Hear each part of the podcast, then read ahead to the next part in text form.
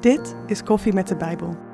De wekelijkse podcast vanuit de Gereformeerde Kerk te Leek, waarin actuele thema's worden besproken op ontspannen wijze. Zet de koffie maar klaar. Presentatie door Roel Prins en Tom Walewijn.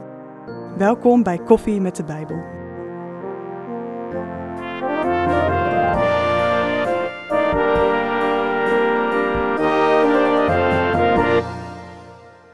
Van harte welkom bij deze eerste aflevering van het nieuwe seizoen.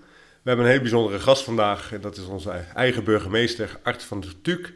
Die burgemeester is van het Westerkwartier sinds 2019. Art, van harte welkom. Ja, fijn hier te zijn. Welkom eh, Art. Ja. Leuk dat je er bent. En eh, ja, we beginnen maar met de allerbelangrijkste vraag die we hebben. En dat is hoe drink je de koffie? Ik drink thee, Tom. Je drinkt thee. Ik, Nu, ben, echt een, of- ik ben echt een theedrinker. Eh, en ja, dan, nou, dan wordt het helemaal wat. Eh, maar eh, ik drink koffie, maar met heel veel melk. En dat heet dan een latte macchiato. Dat, eh, dat lust ik nog wel, maar ik ben niet zo van de koffiesmaken. Nooit geweest. Geen zwarte koffie. Geen zwarte koffie. Geen we hebben het allemaal tegelijk. meegemaakt. Middelbare school, dan begin je dat wat te drinken in de pauze in de kantine. Ik zag iedereen voor de koffie gaan. En op een gegeven moment dacht ik, stop er ook mee. Ik vind het niet lekker. Ik blijf gewoon thee drinken, behalve een latte macchiato. Daar kun je Oké. mijn plezier mee Ik dacht dat het een van de vereisten was voor een burgemeester. Ik weet dat ik daarin misschien nu teleurstel. Want inderdaad, bestuurders kenmerken zich met die pot koffie. En volgens mij gaat het velen van ons zo. eh, s ochtends vroeg beginnen, stevige bak en dan zo door. Nee, ik heb niet aan de smaak kunnen wennen. Dus, eh, Nee. Nou ja, en desalniettemin functioneren volgens mij prima als burgemeester ja, met thee. sterke thee, hè? Sterke Ja, thee. ja, en sterke thee. Mooi. En leuk dat je er bent nogmaals, want je bent dus eh, inderdaad de burgemeester van de gemeente Westerkwartier nu een aantal jaar. Ja. Ehm, en ja, we zouden eigenlijk wel eh, je een beetje willen leren kennen in de zin van eh, eh, waarom ben je burgemeester geworden? Eh, hoe groeit dat dan zo? Oh, bij mij is dat heel erg ontstaan ehm, doordat je in je leven merkt dat je van kinds af aan ehm, heel maatschappelijk betrokken bent. Het is bij begonnen met toen ik volgens mij tien was, mijn speelgoed verkocht om de zeehondjes te redden. ja. Alleen niet hard had nog één badkuip. Daar ging ik met mijn ouders op bezoek. Daar zat één zeehond in ongeveer in die tijd. En eh, nou, ik, ik, kwam, ik kwam de sigarenkistje met, met, met geld eh, doneren aan haar. Dat is in mijn hele leven altijd gebleven. Maar er zit ook een andere kant bij. In mijn hele leven is ook gebleven. Het interessant vinden om met maatschappelijke vraagstukken bezig te zijn. Ik begon al heel vroeg de krant te lezen. Ik begon al heel vroeg mij vooral ook zorgen te maken over wat er allemaal aan de hand was in de wereld. Ja, en ik vond organiseren ook heel leuk. Ik was echt van de schoolfeesten en eh, de volleybaltoernooitjes. En, eh, Ja, van het organiseren daarvan, of het meedoen ja, ook. Nee, ja, meedoen ook. Dus, ja. dus alles, maar ook het organiseren. Ja, nou, dan dat- kom je het een beetje samen. Maatschappelijke betrokkenheid, interesse in vraagstukken, er al door mee Ja. bezig zijn. Maar ook het leuk vinden om dingen te regelen en te organiseren. Oh, ja. Ja, ja en, en opleiding, wat heb je gedaan? Ja, eh, eh, ik heb eh, rechten en geneeskunde gedaan en beide niet afgemaakt. Oh, En dan word je burgemeester. ja. Ik kan zeggen, moet dit stukje even. Ja, in de podcast, maar nee, Ja. oké. Maar je komt dus, wat dat betreft zeg je, het is eigenlijk met de paplepel ingegoten dat je betrokken bent op anderen en, en het dus willen helpen van mensen. Ja, daar, daar is het wel begonnen. Eh, En, en de andere kant nogmaals, het heel interessant vinden om met maatschappelijke vraagstukken bezig te zijn en daar Ja. iets, iets in te kunnen betekenen. Ja. Nou, dan word je niet meteen burgemeester. Dan ben je maatschappelijk actief op allerlei fronten. Veel vrijwilligerswerk gedaan. Veel ook bij sportverenigingen. Vrijwilligerswerk gedaan. Ben je zelf ook een sporter? Ja, ik heb, eh, nou, zoals denk ik elke jongen in Nederland, gevoetbald tot ongeveer mijn zestiende. Oh ja. Eh, toen ben ik gaan zweefvliegen. Oh. Ik ben heel erg actief geweest als eh, zweefvlieger. En eh, toen eh, Heel gaan hockey. zweefvliegen, wat moeten we erbij voorstellen? Nou, je kent de zweefvliegtuig toch? oh zo, oh Ja. ja, dat is Ja. zweefvliegen. Ja, Ja. ja. dus eh, zonder motor Ja. op de wind, de verticale wind overigens, dus de Ja. thermiek omhoog met een lier. Was in Assen toen ter tijd. De club is er niet meer, maar mensen weten dat misschien nog wel. In Assen had je een zweefvliegclub. En ehm, ja, ook veel gehockeyd. eh, dat soort zaken meer ben ik toen ik ging studeren gaan doen. Dus, eh, en mijn hele leven hardlopen tot op de dag van vandaag. Kijk aan. Hoe kwamen we hierop? Eh, de Actief vraag, Nou, zijn actief in verenigingen en Ja, zo was ik ja, met sport precies, bezig. Ja. Ja. Ehm, ook actief al door geweest met muziek. Dus ook daar was ik actief in de besturen. Eh, ik heb eh klarinet gespeeld, eh, piano. En eh, nou, ik vond het altijd heel leuk om eh, met, met bandjes en met eh, muziekverenigingen bezig te zijn. Dus dat heb ik ook heel veel gedaan. En dan steeds altijd ook in het bestuur. ja, ik Oh wil ja, het zeggen inderdaad, ja. die koppeling hoor ik continu. Ja. Dat is natuurlijk lang niet altijd vanzelfsprekend. Nee. Maar Dus, en, en als je dat merkt, nou, werk gedaan. En toen ben ik uiteindelijk politiek actief geworden in de Staten van Drenthe. Mhm. Ehm, ehm, veel in, eh, ook mijn partij was de PvdA, is de PvdA, en daar actief Ja. geworden. Ja, en zo rol je dan uiteindelijk aan burgemeesterschap toe. Dus zo is Ja. het een beetje gekomen.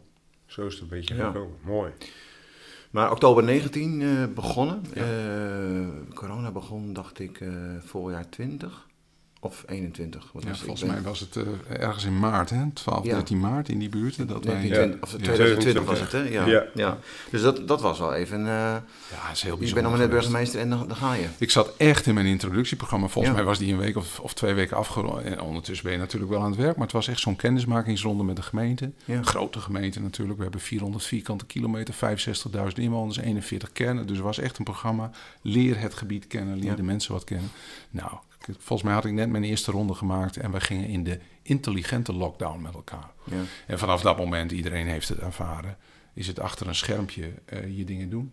Ja. Is het niet mensen ontmoeten, wat ik denk dat juist het kenmerk zou zijn van burgemeester zijn of burgervader kunnen zijn in Ja. een gemeenschap. Ehm, bijzondere periode, omdat wel meteen de uitdaging is, als je bestuurder bent, hoe handle je dit, hoe doe je dit? Dus in die zin, ehm, ja, bijzondere periode om bestuurlijk actief te zijn. Ehm, en tegelijkertijd daar het ook voor doet, dat directe contact met mensen, even thuis bij mensen op de bank zitten, even een gesprekje hebben, heeft maar mondjesmaat en met Ja. moeite de afgelopen twee Ja. jaar gekund. Ja. Ja, want inderdaad, je zegt, hè, dat is nou typisch het werk van een burgervader. Hè, dat je dus veel contact hebt met de mensen. Maar het lijkt me ook dat dat heel erg past bij, bij jouw karakter, zeg maar. Bij jou ook in- de invulling die jij wil geven als burgemeester. Juist het sociale aspect. Dus eh, niet alleen maar eh, in je werkkamer werken en beleid maken. Maar juist dus ook gewoon veel meer eh, bij de mensen bezoek, de contact en dergelijke. Ja. Ik heb, ja, ik heb dat heel erg. Dat heb ik ook moeten verkennen voor mezelf. Want we hebben net, hoe word je dat nou? En, en, en ik ben er maar even zo, als ik dat met jullie mag delen. Ik heb echt heel erg interesse in vraagstukken. Je kan me geen groter plezier doen dan een stapel boeken en kranten. En dan je verdiepen in wat, wat is nou ergens aan de hand. En ook hoe kunnen we het oplossen? Wat zijn die ideeën om het op te lossen? Dat is een kant aan mij die vind ik heel erg mooi. Mhm. Ja. Als je burgemeester wil worden, moet je wel ontdekken. Vind je het ook leuk als je op de markt loopt om met mensen te praten? Ja. Vind je het leuk om een bruidsparen 60 jaar, 65 Ja. jaar op bezoek Ja. Dat moet je wel voor jezelf ook verkennen. En en ineens ben je bekend ook voor iedereen. Dat bedoel, ook. Je loopt langs en mensen zeggen, hé, hey, daar loopt de burgemeester. En dat gaat echt zo, hè? Dus Ja. ik, ik loop in de supermarkt en dan, mijn vrouw zit wel eens te kijken. Dat gaat van schap naar schap, dat je toch merkt dat mensen even kijken of even met je een gesprekje aangaan. Ja. Ik vind het geweldig.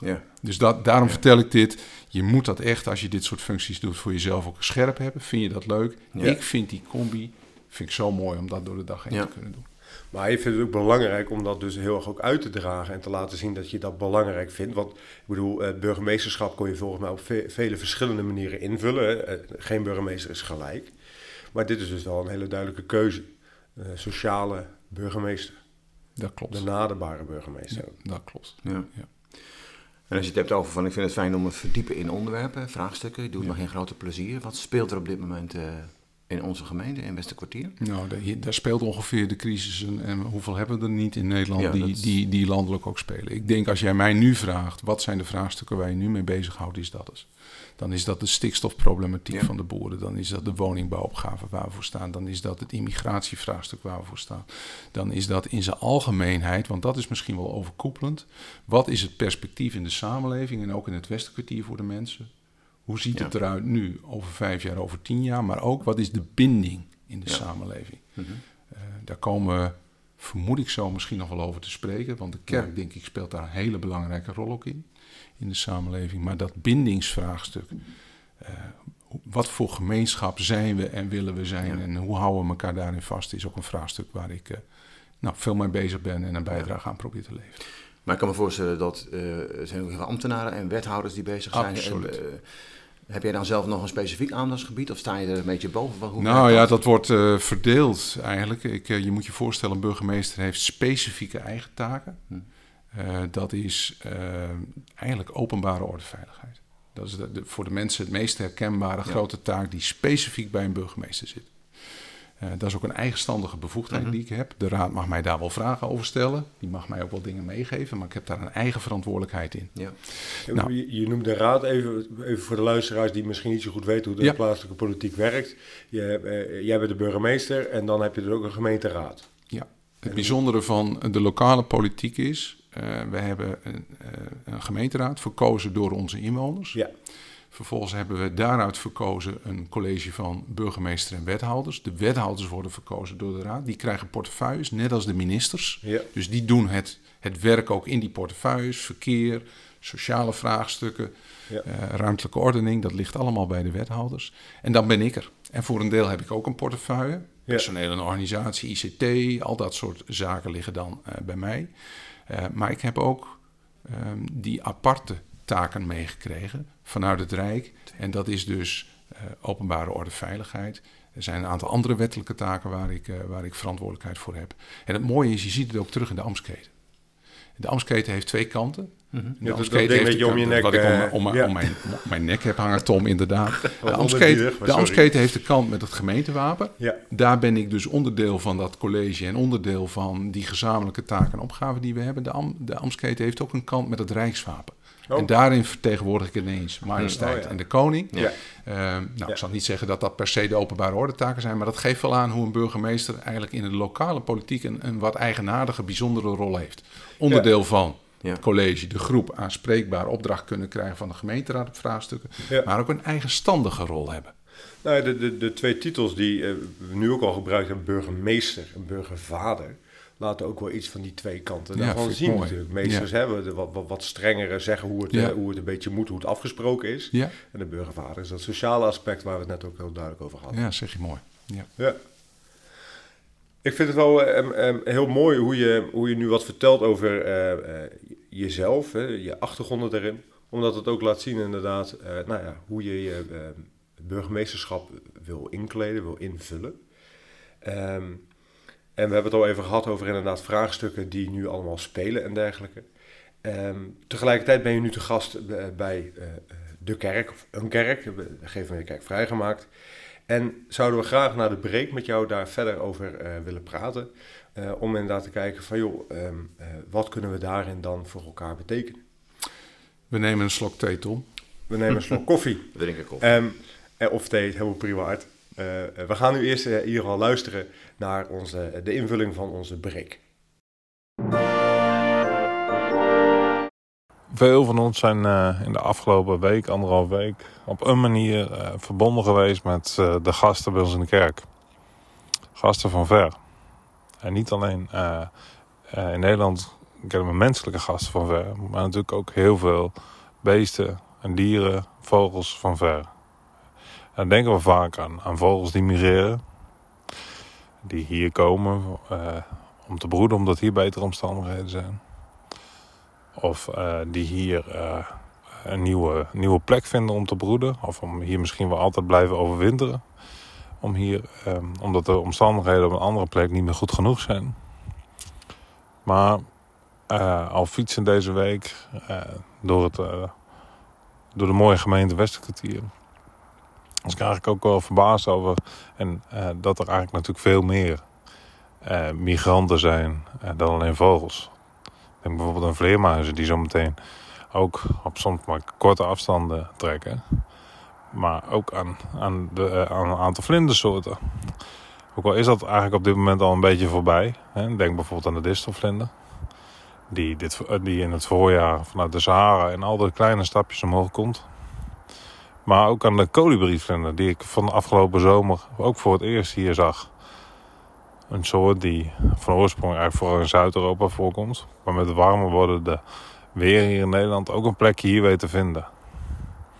Zo zie je maar dat eh, ook in de natuur zijn er, vinden er ook grote veranderingen in migratie plaats. Door het veranderende klimaat. Dus niet alleen wij als mensen die soms voor oorlog of voor, eh, eh, die soms voor oorlog vluchten. Maar ook steeds vaker voor een veranderend klimaat zie je ook steeds vaker dat de natuur reageert op dat veranderende klimaat. Dus distelvlinders. Uh, wat hebben we nog meer? Ehm, bepaalde vogelsoorten die hier blijven en niet meer weggaan in de winter. Denk bijvoorbeeld aan een reiger of een witte reiger, de zilverreiger, die hier steeds meer voorkomt. Veranderingen die soms best wel langzaam gaan. En die daarom misschien helemaal niet zo erg opvallen. Maar als je 10, 20 jaar geleden terugkijkt, dan, dan zag je die distelvlinder, eh, of dan zag je die uh, kolibrievlinder hier bijvoorbeeld niet in Nederland. En nu wel. Nou, kijk ook eens zo uh, om je heen van, hé, hey, wat is hier nou veranderd? En hoe mooi gaat dat eigenlijk uh, in harmonie? En uh, hoe mooi we daar soms ook wel als mensen van kunnen, kunnen, kunnen leren om verder in harmonie met elkaar te leven. Mensen van ver die hier een heil zoeken, zou ik doen, doen vogels dat. Die constant in andere omstandigheden, andere sociale omstandigheden, met andere soorten daar voorkomen. We praten verder met onze burgervader Art van de Tuk. En uh, Art, we uh, hadden het uh, net voor de break er al even over. Je bent hier bij ons als kerkgemeenschap ook welkom. En van daaruit vragen ook eigenlijk altijd onze gasten de vraag: is er een Bijbelverhaal of een Bijbelboek of een Bijbelpersoon wat je aanspreekt? Want ja, de podcast heet nou eenmaal Koffie met de Bijbel. Ja. Um, voor mij komt dat heel erg terug in mijn interesse voor muziek en voor kunst. Dus ik merk dat um, kijken naar schilderijen van Rembrandt er bij mij toe leidt dat ik dan denk: goh, welk Bijbelverhaal hoort daarbij? Uh, oh ja. um, uh, of lezend in boeken denk. En waar, waar, kun je de Bijbel je verdiepen in een verhaal? dus ik heb eigenlijk wel vaker dat ik denk: goh, wat mooi of wat een mooi verhaal. Uh, de laatste die ik had was een boek van Philip Roth, Job. Job. En Roth maakt daar jaren dertig zijn verhaal van. Ja. Niet zoveel afwijkend van het Bijbelse verhaal. Maar het was weer een heel indrukwekkend verhaal voor mij. En ik ben benieuwd en hoe jullie daar zelf naar kijken. Maar dat verhaal Job in de Bijbel is natuurlijk heel, heel, heel bekend. En voor de hand liggend misschien op te noemen. Maar wat ik mij... Ik had dit verhaal als... En je weet dat Tom en Roel... Ik, ik ben niet religieus, maar wel geïnteresseerd in de geschiedenis... en in de verhalen en in, in zeg maar de waarden die erachter zitten. Ja. Ik heb het verhaal ook altijd, altijd geïnterpreteerd als... dat God iemand, zonder dat hij begrijpt waarom, tegenslag, straf, tegenslag, straf. En je moet bewijzen dat je in God blijft geloven. Mhm. Zo heb ik het verhaal altijd een beetje van afstand Ja. geïnterpreteerd.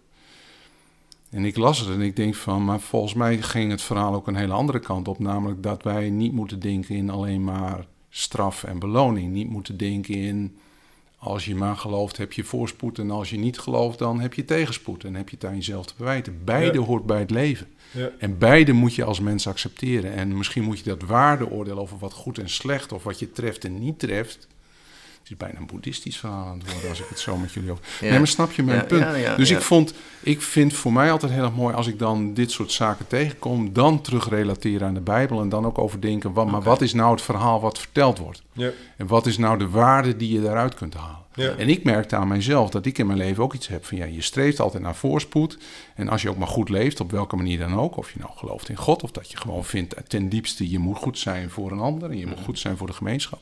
Maar dan verwacht je ook iets van beloning. Nou, Ja. dat hoeft helemaal niet. Nee. En ook, daar, ook die sterkte moeten wij voor onszelf en als gemeenschap ontwikkelen, dat het lot je kan treffen. Bedoel je dan dat het, eh, dat het je bevraagt op je motieven waarom je dingen doet? Ja, maar ook bevraagd op je standvastigheid en Ja. op je geloof in. Of Ja. dat in jezelf is, of in de gemeenschap, of Ja. is in God. Maar dat je, wij moeten weg, ik, ik zit het bijna te relateren, Roel, aan het materiële. Mhm. Wij hebben wel heel erg de neiging om te zeggen, als wij maar voorspoed en welvaart kennen enzovoorts, dan gaat het ons goed.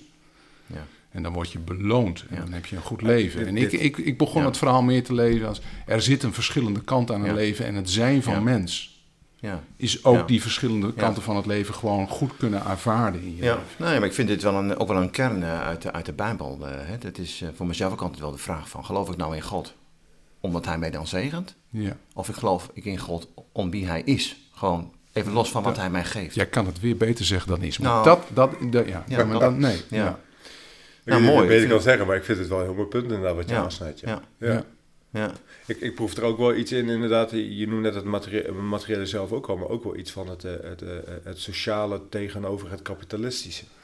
Ja, dat zit wel in mijn hoofd. Ja. Dus eh, dat, daarom zei ik dat net, om het iets te verduidelijken. Ik Ja. merk dat ik wel heel snel kwam op dat dat ook mijn denken is. Ja. Dus als eh, je doet het goed in je leven als de auto nog groter is, de vakantie nog verder is. Ja. Ja.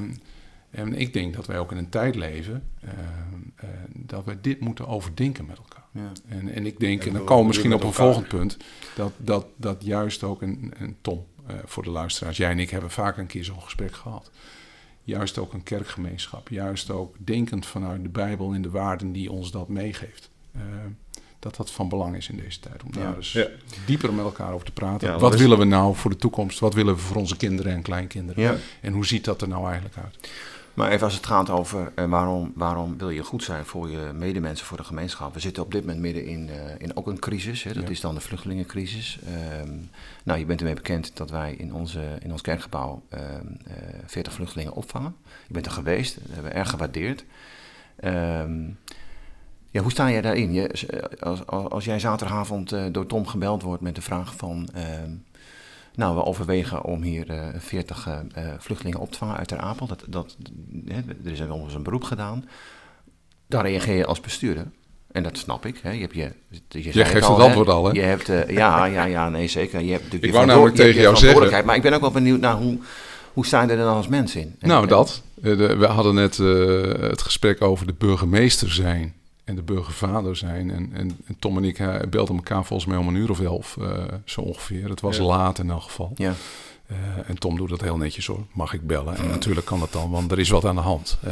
en we hebben een gesprek gehad twee kanten op. Namelijk die van de burgemeester die zegt even de formele structuren. We zullen de luisteraars daar niet mee vermoeien, maar we hebben allemaal formele structuren staan waarin geopereerd wordt, waarin verantwoordelijkheden zitten, waarin ook afspraken zijn als dingen niet lukken, hoe we dat dan oplossen of escaleren als dat nodig is. Nou, daar heb ik meteen met Tom over gehad. Uh, dat was wel een lastige in wat de kerk nu aan het doen was. En ja. dat moesten we even formeel plaatsen. Mm -hmm. Maar we hebben ook een ander gesprek gehad. Die van de burgervader. Ja. En die van, maar bottom line is, uh, we gaan elkaar helpen. En bottom ja. line is, uh, wat een geweldig initiatief dat jullie nemen met elkaar. En, en nou even zorgen dat we het schip ook even goed in de haven krijgen. Zeg. Ja, ja. Nou, dat is wel wat mooi, want ik, ik, ik, hoor je net zeggen, ja, we moeten het met elkaar gaan hebben over hoe, hè, hoe, wat willen we voor onze kinderen nalaten, hoe willen we uh, samen verder gaan. En, en juist ook in, inderdaad in deze uh, opvang die dan door de kerk uh, gebeurt, uh, komen er wel een paar dingen natuurlijk bij elkaar. We hebben in Nederland altijd een vrij strikte scheiding gehad tussen kerk en staat. Hè. Die bemoeien zich in die zin niet zoveel met elkaar. Tegelijkertijd, als ik even kritisch naar ons als kerk ook mag kijken, is daardoor ook wel gebeurd dat het met name een geloofsgemeenschap werd die vooral met zichzelf bezig was. En ook wel, misschien ook wel wat veel naar binnen gericht. Uh, nou, de, de, de, de verschuift nu van alles. En, en binnen onze gemeenschap wordt er ook gezegd: jongens, wij willen graag naar buiten. Hè. Er is een hele wereld om ons heen waar we gewoon een taak ook in hebben. Maar ja, hoe zit dat dan precies? En, en ik kan me ook voorstellen vanuit, uh, uh, vanuit de samenleving: van ja, wat moeten wij nou eigenlijk met zo'n kerk? Dus, dus, dus, dus ja, ik ben wel benieuwd, hoe kijk je er eigenlijk tegenaan? Hoe kun je dan als, als, als kerk en als gemeente, als samenleving daar dan samen nou ja, bruggen slaan, bruggen bouwen, verbindingen maken. Ja, dat is denk ik op basis van de gedeelde waarden die we met elkaar hebben. En die afstand die gecreëerd is, is natuurlijk gecreëerd omdat we ook uh, 100, 150 jaar geleden een situatie hebben gehad waarin, en laat dat ook genoemd zijn, uh, je de bedeling kreeg. En de bedeling ging ook gepaard met, met je, je moest je bekeren. Ja. En um, ik vind het mooi uh, dat ik op het NOS-journaal dominee Tom Walewijn zie spreken. Weliswaar de Heer noemt in motivatie waarom die dingen doet, maar in diezelfde NOS-journaal om 8 uur s avonds primetime zegt. Maar je hoeft niet van ons geloof te zijn om van, door ons geholpen te worden. Nee. In diezelfde uitzending om 8 uur s avonds zegt. En we vangen mensen van alle geloofsgemeenschappen ja. op binnen ons binnen onze ja. kerk hier in Leek. Vanwege die gedeelde waarden die wij De, Vanwege die gedeelde waarden. En ja. Tom, dan kijk ik naar 1870 en dan kijk ik naar ja. 2022 en dan hebben we met elkaar denk ik een gang gemaakt door de geschiedenis die ons alleen maar beter en sterker heeft gemaakt. Want dan zie ik een kerkgemeenschap die staat vanuit diep gedeelde waarden in onze, laten we zeggen, deel van de wereld. En uh, daar natuurlijk zelf een invulling aan geeft en een overtuiging in heeft, maar die waarden niet dwingend, maar helpend uitdraagt aan zijn omgeving. Daar kun je alleen maar diep respect voor hebben. En daar moeten wij, en die gesprekken hebben we met elkaar ook wel eens in andere verbanden, daar moeten we ook gaan kijken hoe we daarin als overheid heel goed op kunnen schakelen. Waar zit kracht in de samenleving? En of dat nou bij een kerk is, of bij een sportvereniging, mm. of laat het ook gezegd zijn bij ondernemers die ook in deze crisistijden ook mij bellen en zeggen: We weten dat iedereen denkt dat als wij bellen, ze willen een paar centen verdienen. Ja. Wij willen helpen. Ja. Nou, wij moeten met elkaar, denk ik, heel goed van mekaars kracht gebruik gaan maken. En je merkt misschien al wel aan de manier waarop ik erover praat dat ik dat een enorme uitdaging vind. En ook heel graag juist zou willen doen in het Westenkwartier. Ja. Hoe kunnen we nou zorgen dat we door, nou, ik zou bijna zeggen, muren die we ook wel iets wat opgetrokken hebben met elkaar, eh, weer heen breken en zeggen: we staan voor die gemeenschap, we staan voor de toekomst van onze kinderen en kleinkinderen. En hoe geven we elkaar de helpende hand daarin? Je, je zegt nu een paar keer hoe. Ideeën? Hoe, we- hoe we daarin. eh, nou, het, begin, het begint met die kopjes koffie, zou jij zeggen, thee. Ik, dat klinkt, nee, maar dat klinkt heel clichématig. Maar het begint met: ontmoeten we elkaar überhaupt? Ja. Vinden we elkaar of zitten we in onze eigen gemeenschappen? Als je Ja. niet oppast, zit ik op dat gemeentehuis. Ja. En ik ga je vertellen, ik kan een dag wel vullen. Ja. Van heel vroeg ochtends tot heel laat avonds. Met alle vraagstukken die spelen. Op het gemeentehuis. De kracht is denk ik van mij dat ik de mogelijkheid zie in mijn vak om naar buiten te komen. Verbinding te maken. Dat juist niet te doen. En dat geldt voor een ieder van ons. Want dat geldt voor een ondernemer. Dat geldt voor een dominee. Dat geldt voor een dokter. Maar dat geldt ook voor de bouwvakker. De stucadoor. eh, de fysiotherapeut. We hebben nodig mensen dat we elkaar opzoeken, in welke gemeenschappen dan ook. Ja. Daar moeten we met elkaar een rol in spelen. Ja. Want het bouwen van dat netwerk in onze samenleving, dat staat onder druk. Ja. Ja. Ja. en, en ik, nou, je merkt het mij. Ik denk echt dat we met elkaar, los van alle crisissen, Mhm. heel erg verdacht moeten zijn Ja. op de samenhang in de samenleving, de gedeelde waarden, de manier waarop we dat doen. En hoe we daar met elkaar ook Ja. de komende tijd elkaar vasthouden. Nog even terug naar wat ik net zei, ook als ter afronding. Eh, we hadden het even over burgemeester, burgervader. Eh, dat, is, dat kan ook een spanning opleveren. Ik En ben anders je- nog lang niet klaar met dit gesprek. Nee, maar maar, we gaan toch, wel. ik wil nog wel even terug naar van... eh, dat- dat doet ook wat met jou natuurlijk. Ik zie jou dan in de kerk Ja. de, de, onze gasten ontmoeten. Ja. Ehm, nou, ik hoorde je even vertellen al eerder over, over Oekraïners in onze eh, gemeente die opgevangen worden. Burgerlijke gemeenten. Ehm, en tegelijkertijd loop je dus ook tegen, nou ja, tegen de structuren aan. Is dat niet soms knap ingewikkeld? Dat je Ja, vind ik dingen wel. wil en soms ook gewoon dingen niet kunt. Dat is ook zo. En dat Hoe ga hebben je we daarmee om? Eh, nou ja, dat, eh, dat zit misschien wel in mij. Dat ik dat ook wel de uitdaging in mijn leven vind. Dus steeds de vertaling maken van abstract beleidsmatig naar en wat betekent dit concreet voor mensen. Maar in deze fase, waarin wij nu met elkaar in Nederland zitten, ook het omgekeerde. Wat vertelt de immigrant mij? Wat vertelt de boer Ja. mij? Ja. Wat vertelt de starter, de jonge jongens die inspreken een tijd geleden in, in, in, in de raad over geen plek kunnen vinden? Ja. toen het ging over, een, eh, over, over, over startersvraagstukken van jongeren. Nou, hoe vertaal je dat nou weer door uiteindelijk naar beleid? Ehm, nou, dat, dat vind ik wel indringend de opgave van de overheid, van het Ja. gemeentebestuur, maar zeker ook van deze burgemeester. Maar ik vind het ook mooi daarin te merken dat uiteindelijk inderdaad hè, de, afspraken die we eenmaal hebben en de, de, de formele wegen die we nou eenmaal eh, eh, zouden moeten gaan, dat dat voor jou niet eh, het doel is, maar een middel. En als dat middel dan niet toereikend is, dan zoeken we een ander middel hè, om te kijken hoe we op die manier toch verder kunnen komen, juist gebaseerd op die gemeenschappelijke waarden. Goh, wat grappig dat je dat observeert, Tom. Eh, ik zei al tegen jullie, eh, rechten gestudeerd, niet afgemaakt. Maar laat ik zeggen, ik heb heel veel rechten gestudeerd en stom dat ik het niet heb afgemaakt. Ehm, en ehm, ik zeg dit omdat eh, als je daarin geschoold bent, ehm, als je dat denken in je hebt, en dat heb ik, ik bij veel mensen merk dat dat een soort absolute leidraad is. Ja. En ik heb altijd het vak rechten gezien als het is een bottomline, het is een vangnet, het zijn afspraken als het ingewikkeld wordt, maar je hoeft daar niet altijd eh, als eerste mee te beginnen. Je kunt ook gewoon eens kijken wat je als mens, Ja. wat je in de oplossing met elkaar kunt Precies. verzinnen. ja, precies. En zo heb ik er altijd in proberen te staan. Nou, dat hebben we gemerkt. Dat hebben we gemerkt Ja. inderdaad. Het is heel mooi om zo je wat beter te leren kennen inderdaad. Om te merken hoe je erin staat. En juist om op die manier ook als mensen eh, samen verder te gaan, kunnen we voor elkaar de hand schudden. Tom, eh, wat mij betreft tot slot, eh, laat ik hier zeggen, diep respect voor jullie, hoe jullie vraagstukken oppakken. Ik zeg dat ook omdat we elkaar de afgelopen dagen een paar keer vaker hebben gesproken, Roel en Tom. Ja. Eh, en de opvang die jullie nu hebben in de kerk. Diep respect, maar ook diep respect naar de kerkgemeenschap, hoe ze dit doen op dit moment in de kerk in Leek. Laat dat gezegd zijn. Dankjewel. Fijn dat je dat als burgervader tegen ons zegt. Dankjewel. Bedankt. En ook bedankt voor de luisteraars. Fijn dat jullie geluisterd hebben. En graag tot de volgende keer.